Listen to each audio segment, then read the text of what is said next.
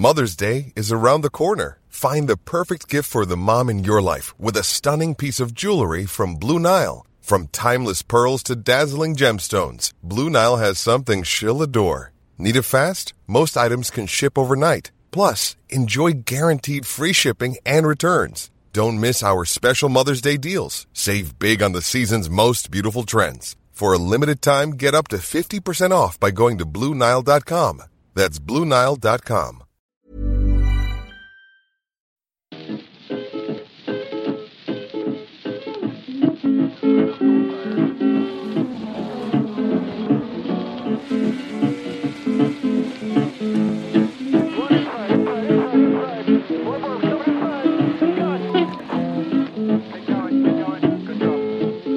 I wonder where my easy rider gone. Said I wonder where my easy rider gone. You're the easy rider, you ride not so long. Välkomna till Indiepodden avsnitt 53. Det känns som att off-season verkligen har kickat in den senaste veckan. Det är ingen verksamhet ute på banan och så silly season har börjat bli där betydligt. Eh, Men vi, Indiepodden, vi kör väl på även denna veckan.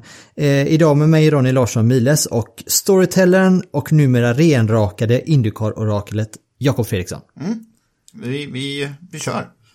Ja, Eh, jag sa visserligen att silly season-säsongen är över då, men ändå har ju liksom, det har ju florerat en del rykten, bland annat huruvida vi får fler eh, F1-förare på grinden nästa år. Eh, eh, starkaste indicierna, och det är så naturligt, har ju varit som huruvida Sergio Perez kanske skulle komma till Indycar, eller före detta hastförarna då Kevin Magnussen och Romain Grosjean. Nu går jag händelserna i förväg, nu säger jag före detta, men de har ju faktiskt fått foten av Günther Steiner inför 2021 då. Vilken, vem utav dem tror du är mest troligt eh, kommer köra Indycar nästa säsong? Det är väl nästan Romain Grosjean som ligger hetast till här tror jag. Jag tror att han helst vill, men jag tror inte det är särskilt troligt att någon av dem kommer köra Indycar, ärligt talat. Alla tre behöver komma med mycket pengar. Eh, Det är Perez som har mycket pengar i, i ryggen då med sponsorer. Eh, Men jag tror inte att Perez vill köra vilken bil som helst, för han är ju ganska het i Formel 1 fortfarande, medan Magnusson och Grosjean, deras Formel 1-karriärer ser ut att vara lite över. Men mm, eh, de kan ju inte vraka och välja Indycar bland Indycar-sitsar heller. Så jag tror inte att någon av dem kommer vilja ta steget till typ Dale Coyne eller eh, eh, Meyer Shank. Bara köra deltid hos eh, Carpenter till exempel. Så jag tror det, att det är mest bara rykten eh, som florerar. Romain Grosjean har ju faktiskt då, eller hans mellannamn är ju Ericsson Hittas Grosjean då. Ja, men det var faktiskt inte han som sa det, utan det var hans ingenjör som sa det i den där olika. Men ja, det vore, det vore kul om det memet dök upp i USA också förstås. Men eh, han har ju pratat med Marcus i alla fall och blivit inspirerad av Marcus och frågat Ja. liksom, hur är det där borta? Och eh, Marcus är ju som alla vet en, eh, en ihärdig förespråkare av amerikansk racing inför tiden. Så att eh, han är nog inte mindre intresserad av Indycar efter de samtalen skulle jag tro. Nej, och också på det sättet som Marcus tog sig Indycar, att han tog upp telefonen och började ringa runt.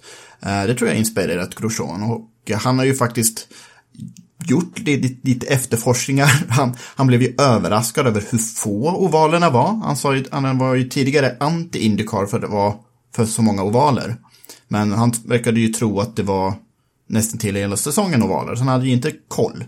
Men nu har han koll och blivit mer intresserad, nu är frågan bara om att sätta eh, verket i handling. Men en sak som står klar i alla fall nu då, det är att Tony Kanan, vars 2020 skulle bli brasilianerens liksom definitiva avskedsturné. Eh, men det satte ju coronaepidemin eh, minsann stopp för. Så nu är det, alltså- men nu är det alltså klart att Kanan delar på ansvaret med Jimmy Johnson i Chip Ganassis nummer 48 i ett antal år framöver. Det var inte bara en så här en, ett år, eh, en säsong nu, utan det verkar komma att det kommer pågå eh, under ett, eh, åtminstone ett par, tre säsonger. Ja, inför 2020 så sålde ju Kanan, inte självmant, men i alla fall AJ Foyt Racing, den här idén om att det skulle vara hans sista säsong. Men det var ju inte på Kanans eget bevåg. Eh, och sen så hade det blivit väldigt tragiskt för honom om det här verkligen hade blivit hans sista säsong. Utan någon publik överhuvudtaget. Och särskilt på Ind Indianapolis. Där han är så himla populär och varit det de senaste 20 åren. Så det är skönt att han får bestämma hur han ska avrunda sina år.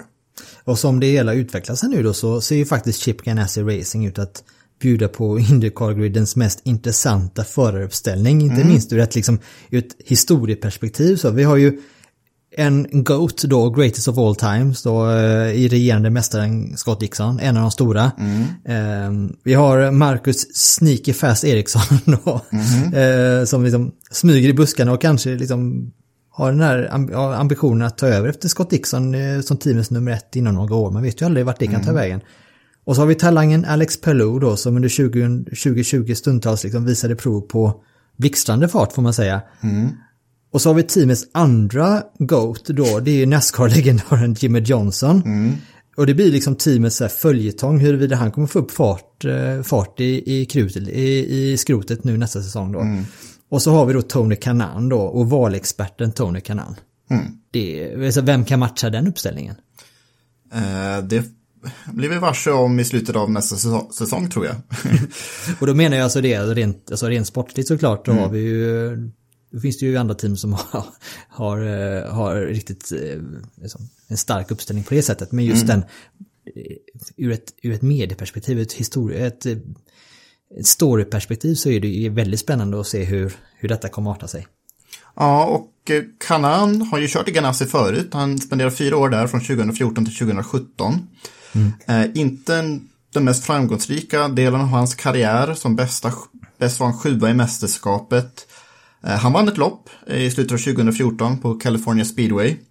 Och han tog ytterligare 11 pallplatser, vilket är ju okej, men resultaten dalade hela tiden. Så från sex pallplatser 2014 så blev det bara en enda 2017 och då kom han 10 i mästerskapet, vilket är väl ungefär vad Felix mäktade med i år.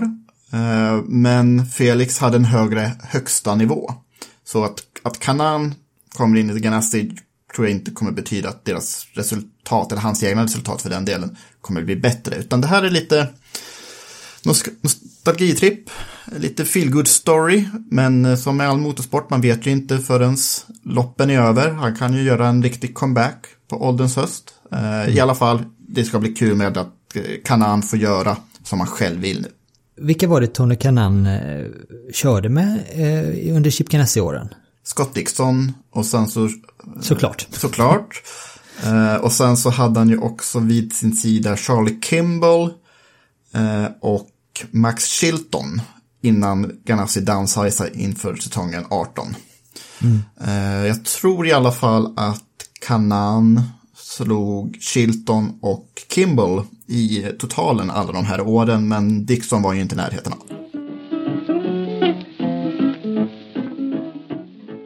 Men nu när vi ändå har liksom klivit några år tillbaka i tiden här nu med Tony Kanans historia i Chip Ganassi. Det, det var ju några år sedan vi pratade... Det, det var inte alls några år sedan. Det, det var ju en, några månader sedan nu som vi pratade Indycar-historia. För senast eh, vad jag minns så hade vi avhandlat 70-talet och det är väl en alldeles utmärkt eh, tillfälle nu här att eh, fortsätta in på 80-talet idag. Mm, det gör vi.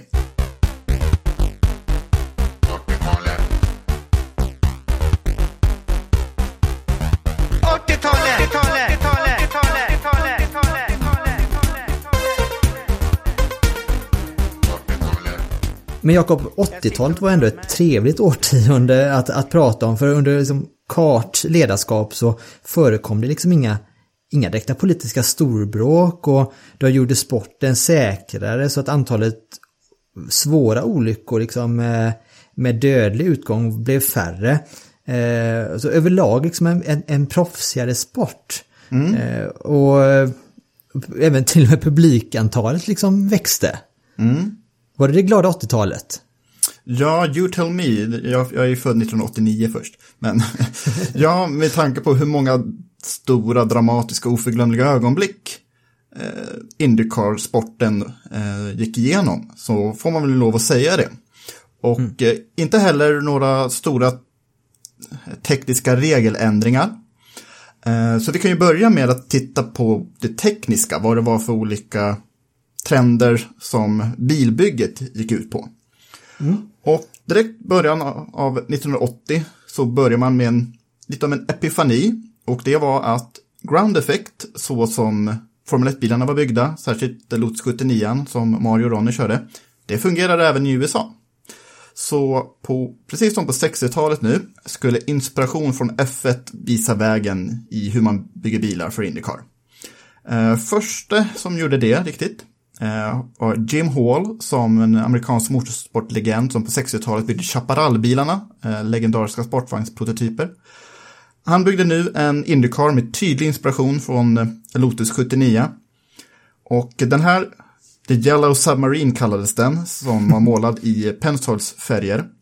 Eh, vann Indy 500 1980 och mästerskapet totalt i eh, händerna på Johnny Rutherford. Så resten av fältet fick ju scrambla ihop någonting, försökte snabbt på att kopiera Formel 1-stallen också. Och det var till och med så att eh, Longhorn-stallet från Texas eh, fick tillåtelse att eh, rätt och slätt kopiera Williams Formel 1-bilar. Den här bilen gick ju inte särskilt bra i Longhorns händer. Eh, Al Unser tog en, eh, en enda pallplats i den här Formel 1-kopian, men det är ändå intressant att Indycar-stallen tog så pass mycket inspiration och verkligen försökte kopiera rakt av från Formel 1 i största möjliga mån. Vet du varför just Longhorn-stallet inte fick ordning på, på designen? Inte exakt, man kan väl tänka sig att eh, Williams då var ju mästare i Formel 1 eh, med den här bilen. De, de, deras teknologi var väl lite mer avancerad än vad det här stallet från Texas som inte var ett toppstall. Liksom det, man kan ju kopiera en bil men det behöver ju inte betyda att man får in alla inställningar rätt. Liksom, det är samma princip i all motorsport idag också. Liksom. Eh, och sen ska ju Indycar-bilar vara mycket tyngre än Formel 1-bilar. Det här skiljer ju ändå 200 kilo lite drygt mellan en Formel 1-bil 1980 och en Indycar-bil 1980. Men det var inte alla som hoppade på det här traditionella, om man kan kalla det för det, ground effect-tåget. Eh, nej, en som valde att inte kopiera det här ground effect-konceptet var Dan Gurney. Eh, det är ett bekant namn för många av våra lyssnare skulle jag tro. Gurney Oh som ja. var oh ja. Oh ja! framgångsrik Formel 1-förare och eh, han vann Le Mans 24 timmars och eh, vann race i Nascar och i stort sett allting, i Indycar också förstås. Oförskämt snygg också. Ja, tänkt på det? Visst, visst, en av de stiligaste förarna, nu, nu när du säger det, så absolut. ja, och sen Gurney la hjälmen på hyllan början på 70-talet, så drev han ett framgångsrik Indycar-stall. Eh, men eh, han valde att göra något helt annat än kopiera då en Lotus 79. Så till 1981 utvecklade han någonting som kallades Boundary Layer Ad- Adhesion Technology för att skapa downforce och jag kan inte förklara det här för det går rakt över mitt huvud. Men BLAT-konceptet är det blatt, kan man säga. Eh, alltså den bilen, om man tittar på den, den ser ut mer som en Lotus 72 än en Lotus 79, om du förstår. Ja. Liksom pilformad. Ja, just det. Eh, Den hade ett väldigt sinnrikt koncept med avgasrören och venturitunnlar som skapade, eh, om jag förstår det på något sätt, en dubbel vortex-effekt ovanför bilens bakdel som skapade jättemycket downforce. Och dessutom, den här bilen var inte särskilt konventionell på något sätt alls. Medan resten av, av fältet körde med turbomotorer så skippade Gurney att eh, bygga in en turbomotor, utan han hade en 5 liters small block Chev- Chevrolet V8 eh, bakom föraren. Det gav ungefär lika mycket hästkrafter men bättre vridmoment. Så när eh, man lanserade den här bilen säsongen 1981, då gick det precis som väntat, det gick jättefort. Eh, Mike Mosley var deras förare, en amerikansk ovalbanespecialist. Eh, han kvalade in som tvåa på Indianapolis, eh, sköt dock motorn tidigt i loppet och den här väldigt avancerade smallblock-skevan, den var bilens akilleshäl trots allt. I alla fall, eh, en vecka senare efter Indianapolis, då sköt Mosley motorn under kvalet, fick starta sist, men eftersom Gurney stall hade gjort hemläxan så väl, eh, så körde Mosley upp, upp sig från 25 plats till seger på det här 150 varv långa loppet och han varvade till och med eh, konkurrenterna på den här korta ovalen som krävde väldigt mycket downforce. Mm. Eh, men formen höll inte för Gurneys stall, bilen var bräcklig och sen så en del som är mindre regeländringar, särskilt på det här avgassystemet och Venturi-tunnlarna, gjorde att blatigen eh, förbjöds efter 1981.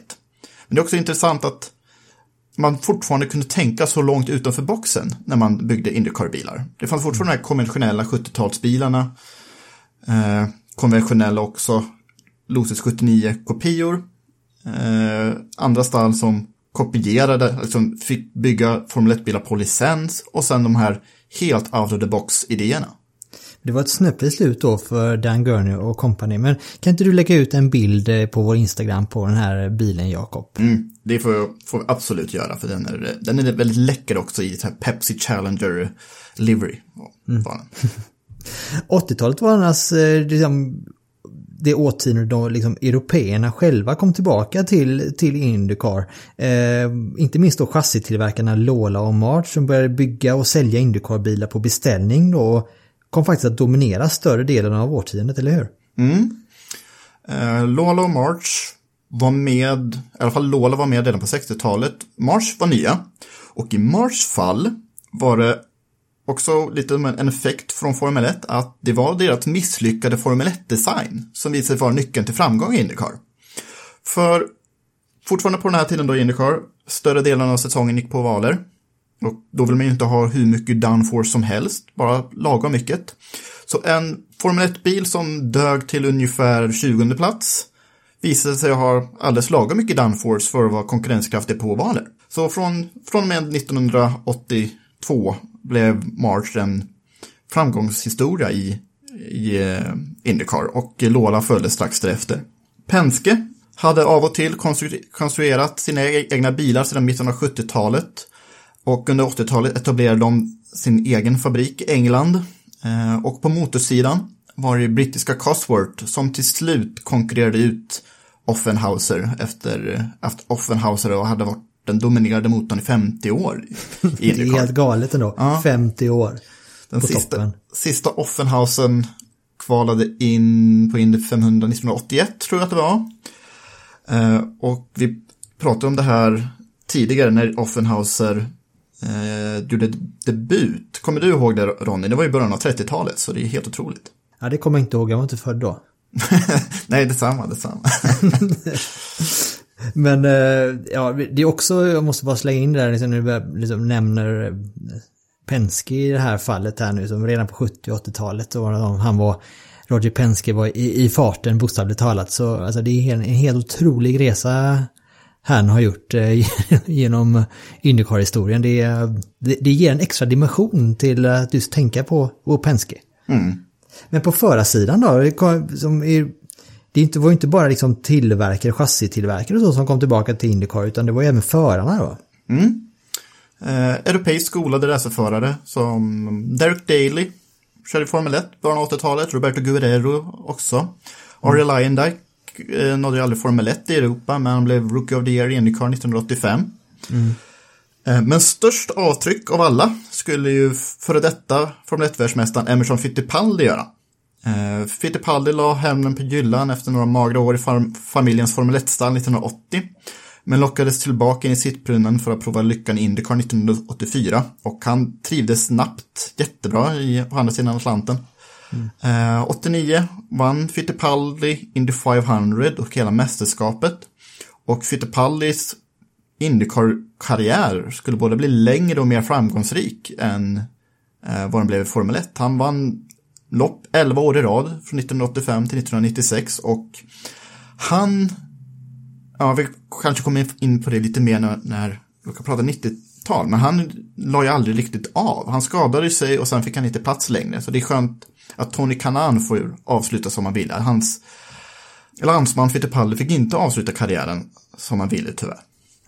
Går och tala om Fittipalli så du sa det att han hade ju liksom lagt hjälmen på hyllan där och sen då fick en, en revival i Indycar igen och liksom hittade gnistade igen och vem hade inte gjort det efter att ha suttit i den här mm. koppersuckar Fittipalli-bilen liksom som var alldeles för undermålig för sitt eget bästa. Eh, och liksom komma tillbaka och vara liksom konkurrenskraftig i ett Indycar på framfart. Det måste ju ha varit en fantastisk känsla. Mm. Ska vi ta och passa på att utse en vinnare i vår eh, lilla tävling som vi haft på Facebook, Jakob? Jag tycker vi kan utse en vinnare till Idrottsgalan först, där eh, Felix Rosenqvist har blivit nominerad till årets prestation. Men jag tror att eh, det du, du snackar om är lite mer relevant för det här avsnittet. Ja, eh, ja, inte alls. Det är väl lika relevant att du ska klart sluta upp bakom Felix Rosenqvist och, och rösta på honom här. Det, det, är klart, det tycker jag vi har en skyldighet, vi som gillar motorsport. Ja, i alla fall hoppas på honom, för Idrottsgalan, det är väl inte någonting som allmänheten kan rösta till, eller hur är det? Det kanske inte är, det kanske är Jerringpriset man får rösta fram. Ja, det är den priset jag tänker på. Men i alla fall, det är, det är kul att svensk motorsport erkänns i mainstream Sverige på det här sättet. Mm. Så håller tummarna för det. Men tillbaka till vårt, vår tävling. Ronny, ja, vad har vi? Ja, det är ju som så att vi hade en liten Facebook-tävling där vi ville sprida Indiepodden gospeln till, eh, till eh, svensk, eh, svenska racingfans då. Och då var det alltså att vi ville att våra följare skulle bjuda in sina vänner till att gilla Indiepodden på Facebook. Och då är man med i en utlottning av en fin, fin Felix Rosenqvist modell i skala 1 till 18 från tickoracingshop.com, värde 1200 kronor. Mm. Och då har vi en vinnare där nu som vi har dragit. Mm. Tack så jättemycket allihopa förresten som har ställt upp och hjälpt oss. Och vi har fått jättemånga fler följare faktiskt på Facebook. Så det är ju bara den här eh, veckan här nu som vi har hållit på med detta. Så att det är ett, vi tackar och bockar. Ja, det blev väldigt många eh, bidrag. Eh, eh, ja, vad blev det? Mer än 50 va? Ja, en bit över 50 där. Och så vi har gjort det, vi har låtit en slumpgenerator då generera en, en vinnare då. Så det är inte så att vi har suttit och godtyckligt tyckt, utan det är, det är inte så att det är ingen popularitetstävling här, det är att man ska bjuda in så många som möjligt och att man premieras på det sättet. Utan alla mm. har exakt lika stora förutsättningar. Mm. Trumvirvel då? Drrr. Bing! Gert-Ola Engblom vi säger stort grattis då från oss på Indiepodden till dig Gert-Ola. Vi hör av oss eh, till dig för att få in dina, dina kontaktuppgifter. Så har du, kan du se fram emot att få en fin Felix Rosenqvist-modell i brevlådan inom kort. En annan gammal Indiepodden eh, karaktär som jag har pratat om förut är ju italienaren Theo Fabi. Eh, som också vände sig till Indycar-racingen efter liksom ja, något motvilligt får man ändå tillägga efter en katastrofsäsong i Formel 1 1982 då. Eh, så blev han ju något av en sensation i, i Indycar. Fabi tog pole position som rookie på Indianapolis. Eh, han bröt dock tidigt loppet, men senare under året vann han fyra, fyra lopp och kom tvåa i mästerskapet och enbart slagen av Al Unser. eh, och Fabi som som du sa, katastrofsäsong i Formel 1. Det här var en riktigt underdog-prestation eh, han, han gjorde borta i USA. Så det här fick ju Bernie Ecclestone höja på ögonbrynen. Eh, Fabi kontrakterades för att köra i Formel 1, nu med Brabham 1984. Men han hade redan skrivit på en fortsättning med eh, sitt Indycar-stall, Jerry Forsyths stall. Det här var ett kontrakt som var vattentätt, verkar det som. Eh, men Fabi, även om han väl var väldigt framgångsrik sin Indycar-säsong 1983, så ville han köra Formel 1. Och han lyckades eh, ta sig ur eh, sitt Indycar-kontrakt efter sju lopp. Kanske att han underpresterade med flit, men han hade absolut inte samma form som han hade 1983. Är han, en, är han tillsammans med Marian Rätti de sista som liksom dubblerade Indycar Formel 1-säsonger? Ja, om jag minns rätt. Jag kommer inte på någon senare. Gör du? Inte liksom i modern tid om vi ska nämna, tänka de senaste 20 åren som det. Nej, inte vad jag komma att tänka på heller. Men är det någon där ute som lyssnar på oss som eh, vet eh, de facto någonting som inte vi har koll på så hör gärna av er till oss. Vi, mm. Det har varit jättekul faktiskt, men det känns ju spontant nej, jag tror inte det. Mm. Eh, så under den här halvsäsongen då så körde Fabi både Formel 1 och Indycar. Men Indycar gick alltid först, så han var tvungen att missa tre Formel 1-lopp under, de här, den här tiden. Mm. Och sen efter de här sju miserabla Indycar-loppen så fick han tillstånd att annullera kontraktet. Men även efter att eh, han varit och vänt i Formel 1 igen skulle han återvända till Indycar några år senare. Och han skulle vinna Indycar-lopp med eh, Porsche faktiskt, eh, 1989. Så var Porsche med i Indycar. Eh, de Eh, satte sin motor i en bil byggd av March. Eh, och Fabio var hyfsat med i mästerskapsfighten det året. Men Porsche tappade ganska snabbt intresset av Indycar. De var med i tre säsonger. Och efter ett, ett ganska dåligt 1990 eh, gav sig Porsche ut ur leken. Men Theo Faber han var kvar och han körde Indycar en bra bit in på 90-talet också. Mm. Och med det i åtanke så, vi har ju pratat om det tidigare under säsongen där huruvida eventuellt att Ferrari skulle ge sig in i Indycar och liksom hur otroligt eller troligt det, det skulle vara. Men rent ur ett historiskt perspektiv så man vet liksom att team eller ett motortillverkare och biltillverkare som Porsche eh, har gett sig in i Indycar förr så var ju det, konstigare saker har ju hänt om man säger så. Mm. Och Ferrari byggde ju faktiskt en Indycar-bil under 80-talet. Just det. Eh, en bil som de körde, de testade, inte i USA men väl eh, hemma i Italien. Eh, om det var, egentligen var tänkt att Enzo Ferrari ville satsa på Indycar, eh, ska vi låta vara osagt för det kan ju lika gärna varit ett politiskt spel de gjorde. Den här Ferrari Indycar-bilen den, den tävlade aldrig, utan nu är det ett populärt museumföremål i Maranello. Men vi var lite, nämnde honom förut, här lite med någon annan, en annan som kom tillbaka till Indycar på heltid eh, under 80-talet, det var ju Mario Andretti. Mm. Eh, så var det 1982 som han lämnade liksom F1 bakom sig definitivt då, så nu var det liksom Indycar på heltid som gällde. När var det senast han hade gjort liksom en, en hel säsong i Indycar med fullt fokus på Indycar? Ja, det hade varit ganska lång tid. 1973 körde han Indycar på sitt heltid senast. Och han gjorde inte dåligt ifrån sig heller. Nej. Återvända. eh, det vore en underdrift, men vi måste ju prata också om det här Andretti Curse. Den här förbannelsen som har vilat över Andretti-namnet eh, sedan Mario vann då 1969. Mm. Eh, en Andretti har fortfarande inte vunnit ett Indy 500. Vi kan nämna några episoder här. Eh, kan vi fortsätta, börja med 1982 då. Mm. Eh, då körde Andretti för Pat Patrick Racing. Eh, han var stallkamrat med Gordon Johncock. Mario var alltid snabbare än Johncock under träningarna. Han kvalade bättre. Eh, Andretti 4. Och Johncock rakt bakom honom på en sjunde plats tror jag att det var. Måste det ju vara. Mm. Men det som följde skulle bli en av Indy 500 största kontroverser. Så i det allra första startledet så har vi Rick Mears på pole position. Kevin Cogan står i mitten. Både Mears och Cogan Penske-förare. Och sen på tredje plats startade A.J. Foyt. Och Cogan är Penskes unge adept, ett framtidslöfte, men en oslipad diamant kan man säga. Medan Mears har redan vunnit ett Indy 500 och är stor favorit tillsammans med Mario eh, inför det här loppet. Mm. Och så precis i startande ögonblicket så får Kogan ett kast, träffar Marios bil och studsar rakt in i, gissa vem?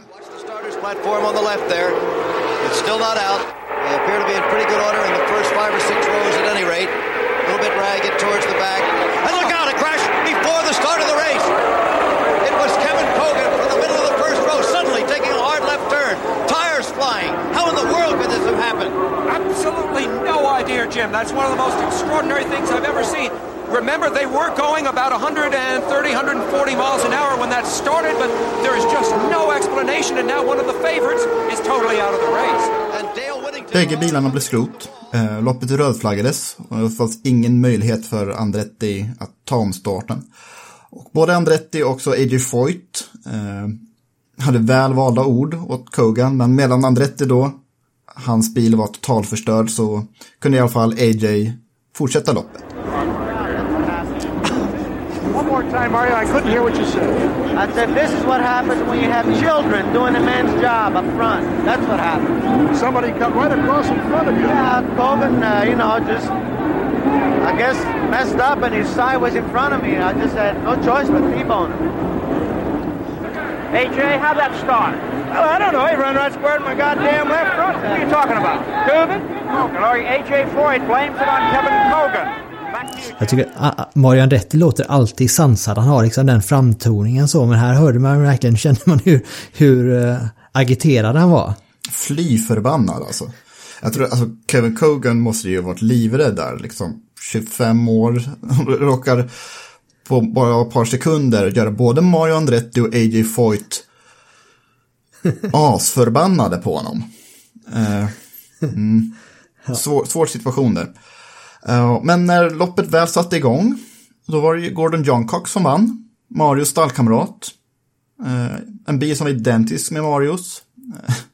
Så om Mario hade kunnat få starta loppet så han hade jättechans att vinna.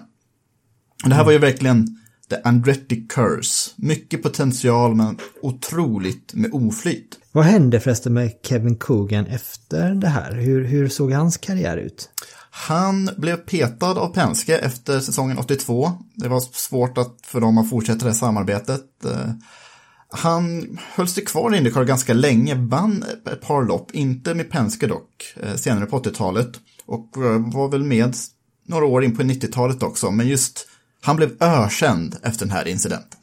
Men 1987 var ett annat år så där liksom oturen grinade han rätt i ansiktet. Eh, Det var ju Marios stall Human Haas Racing hade liksom inför detta år ett, ett ordentligt trumfkort. Det var ju då Chevrolet-motorer. Chevrolet, som innan inte riktigt satsat på Indycar någon gång.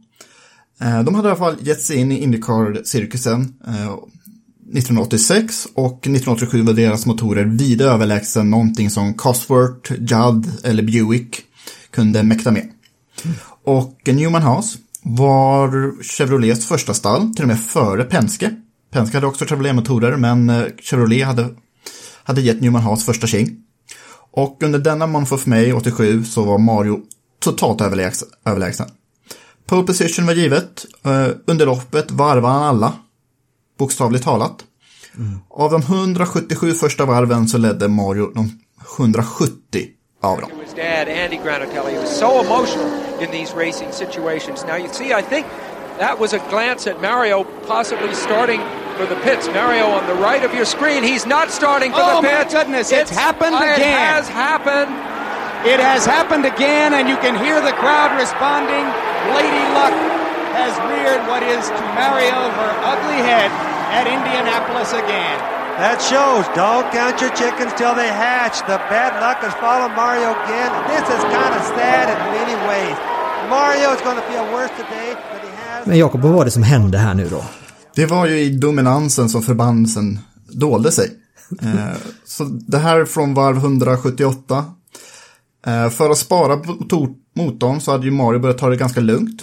Eh, så pass lugnt att motorn utvecklade en obalans och eh, det var så här minidetalj i motorn som gav upp och kan tappa allt turbotryck. Och därmed fortsatte ju The Andretti Curse då på Indianapolis Motor Speedway. Istället, eh, istället då var det då Al Unser som tog sin fjärde seger liksom, och tangerade därmed AJ Foyts rekord, eller hur? Man, alltså, man, man tänker amerikansk motorsport så är det två Indycar-familjerna, det är Andretti och Anser. Men det är så otroligt olika tur de har haft. Här, här var ju liksom Ansers-familjens sjunde. Och Andretti jagade sin andra. Och nu hade ju eh, Mario fått tillökning i familjen. Eh, hans son Michael hade debuterat i Indycar. Det hade också Alan Jr gjort. Och det skulle vara en, bli en rivalitet som utvecklade sig de närmsta 15 åren i alla fall. Eh, Michael hade ganska snabbt etablerade sig som en toppförare, Al, Junior Jr lika så. Eh, och Al Jr och Michael bägge liksom eh, ärvde sina fäders förartalang. Eh, Michael hade ju oturen att även ärva den här förbannelsen på Indi- Indianapolis. Eh, Michael blev Rookie of the Year 1984, både på Indy och i hela mästerskapet. Men som bekant skulle aldrig vinna Indy 500. Annars så var det väl eh, Pen, Team Penske som var liksom stallet som dominerade större delen av 80-ta- eh, av 80-talet. Det är, ju, det är ju en historia som upprepat sig sedan 70-talet åtminstone va? det låter väl bekant. Ja. Ja, Roger Penskes stall. Eh, de har ju alltid satt standarden för hur man ska bedriva ett Indycar-stall. Och på 80-talet så ha- hade de ju starka sponsorer. Eh, de här Pennzoil-bilarna känner man ofta igen som mer, eh, Rick Mears körde. Eh, fick med sig bästa ingenjörerna. Eh, de byggde sina egna bilar allt som oftast. Rick Mears vann mästerskapet 1981 och 1902 i den här bilen. Al Unser vann mästerskapet 1983 eh, med Penske-bil.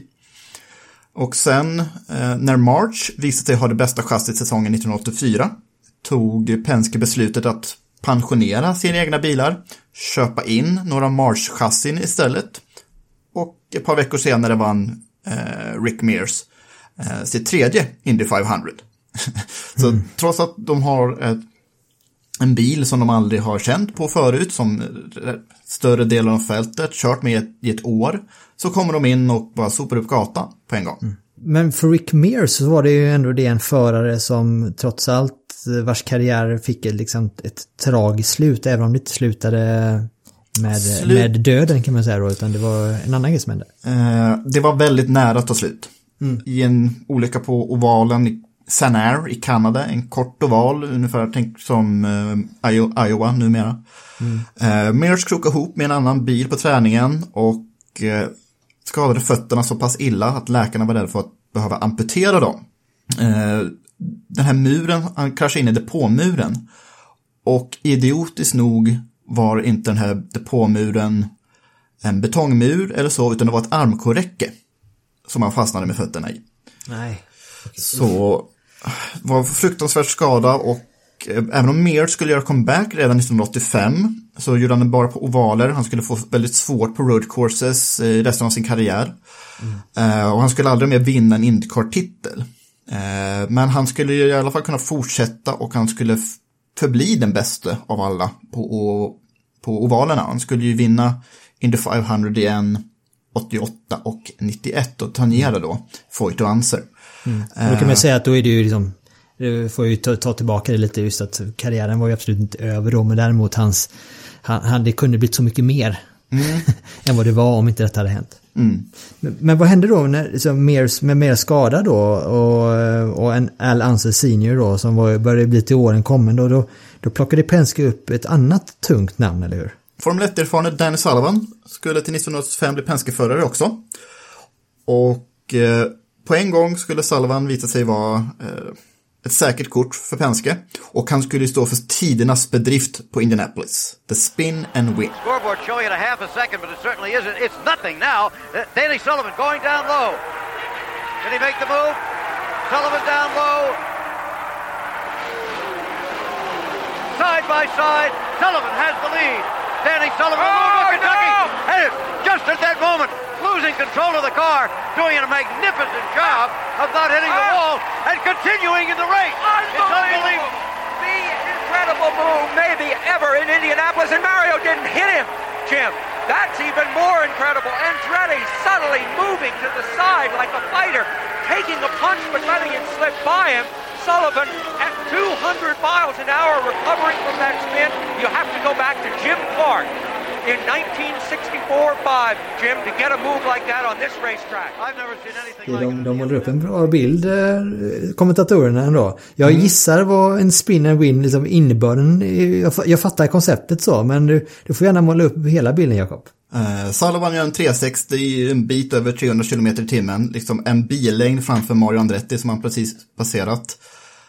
Eh, och sen, eh, Mar- alltså funktionärerna ser den här däcksröken och slänger ut gulflagg och eh, Så de både Andretti och Sullivan tar tillfället i akt och går i depån och Sullivans stall vet ju inte varför det blivit gulflagg. De bara sett att det är däcksrök och de vet ju inte att det är Sullivan som har snurrat. Eh, och, och bara byter däck som vanligt. Och sen ser de reprisen och, och fattar inte deras tur. Och sen några varv senare efter gulflaggen så samma scenario händer igen. Det är inne i kurva 1 som Salvan går upp jämsides med Andretti men den gången snurrar han inte och Salvan går och vinner loppet. Eh, det här är ett otroligt tillfälle i Indycars historia. Eh, The Spin and Win, det är legendariskt verkligen. Och det är ganska typiskt att det var just Mario Andretti som kom tvåa i det här loppet. Eh, men det, det, är, det var ett oförglömligt ögonblick som, eh, som gjort Sullivan odödlig, kan man ju säga. Men nu Jakob, nu har vi liksom avhandlat det, liksom, det rent sportsliga, liksom, resultaten på 80-talet. Så, men hur, om man skulle sammanfatta eh, Indycars som, som, som trend och popularitet under den här perioden och stabilitet, vad, vad tar du med dig från, från det? Eh, man ska inte röra en vinnande formula kan man ju ta med sig. Eh, liksom under hela 80-talet så är det en trendkurva som går uppåt för sporten. Eh, man har eh, politisk stabilitet i och med CART som hade bildats 1978. Man har en stark huvudsponsor i PPG, så mästerskapet kallades ju eh, CART PPG Indycar World Series. Eh, trots att man faktiskt bara körde i USA och Kanada de här åren. Mm. Ehm, man hade ett välutvecklat tekniskt reglemente som knappt hade ändrats alls under 80-talet. Eh, och knappt under 70-talet heller för den delen. Och sen så hade man stall som Penske och Newman Haas som höjde ribban år efter år i frågor om budget och professionalism. Eh, och det blev fantastisk racing så tv-exponeringen ökade, publiken med den. Men man gick också längre ifrån seriens rötter. Inte nog med att det blev svårare att delta budgetmässigt, eh, det faktum att man gick från 1980 att köra på nio ovaler och tre road courses mm. försköts ration till sex ovaler, nio road courses till, slutet av 80-talet. Så därmed blev det svårare, från den amerikan svårare för förare från den amerikanska gräsrotsscenen som fostrat ikoner som A.J. Foyt, Mario Andretti, eh, hela Anser-familjen. Eh, förare som dessa fick svårare och svårare att hitta vägen in i Indycar. Mm. Det här var ett problem som inte skulle visa sig riktigt än. Men några år senare, när vi kommer in på 90-talet, så skulle det här visa sig bli ett eh, existentiellt problem för Indycar-sporten. Ja, vi sätter vi liksom en liten en litet bokmärke här då i historien av mm. Indycars historia här. Men om du Jakob, du skulle få välja en förarfavorit under 80-talet, vem skulle det vara i så fall? Oh. Uh, inte beredd på den frågan, men vi har inte nämnt Bobby Rahal. Uh, eh, du är inte den första Ronny som har kommenterat att Bobby Rahal inte ser ut som en uh, racerförare. det, är, det är många gånger, om man tittar på sändningar från 80-talet så är det många gånger som det kommer så här, lite udda kommentarer från kommentatorer, liksom att Bob Rahal ser ut som en byggarbetare eller Bob Rahal ser ut som en tandläkare. Eh, Rahal var ju faktiskt den som jag tror vann flest lopp under 80-talet. Det var ja, antingen han, eh, Mario eller Rick Mears som tog flest segrar. Mm. Eh, jag tycker det är kul att Al Anser eh, fick konkurrera så pass mycket med sin son Al Anser Jr. Vi har ju inte ens kommit in på det faktum att 1985 vann Al Anser mästerskapet med en poäng före sin son. Eh, mm. det, det, har ju aldrig hänt i någon annan eh, motorsport. inte, inte i Nascar heller vad jag vet.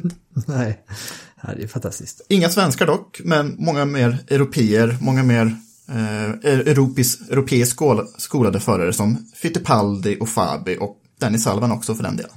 Mm. Och fler svenskar lär det ju bli nu när vi nästa gång glider in på 90-talet. Mm. Får vi tisa om också. Och med det Jakob Fredriksson så tackar väl vi för Indypodden den här veckan. Mm.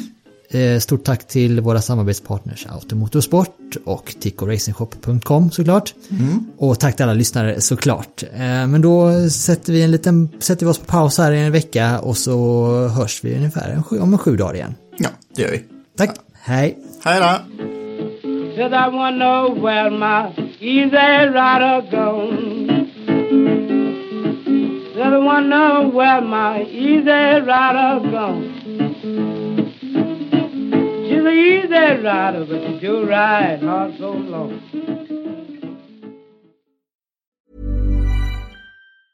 A lot can happen in three years, like a chatbot may be your new best friend but what won't change? Needing health insurance. United Healthcare Tri Term Medical Plans, underwritten by Golden Rule Insurance Company, offer flexible, budget friendly coverage that lasts nearly three years in some states. Learn more at uh1.com.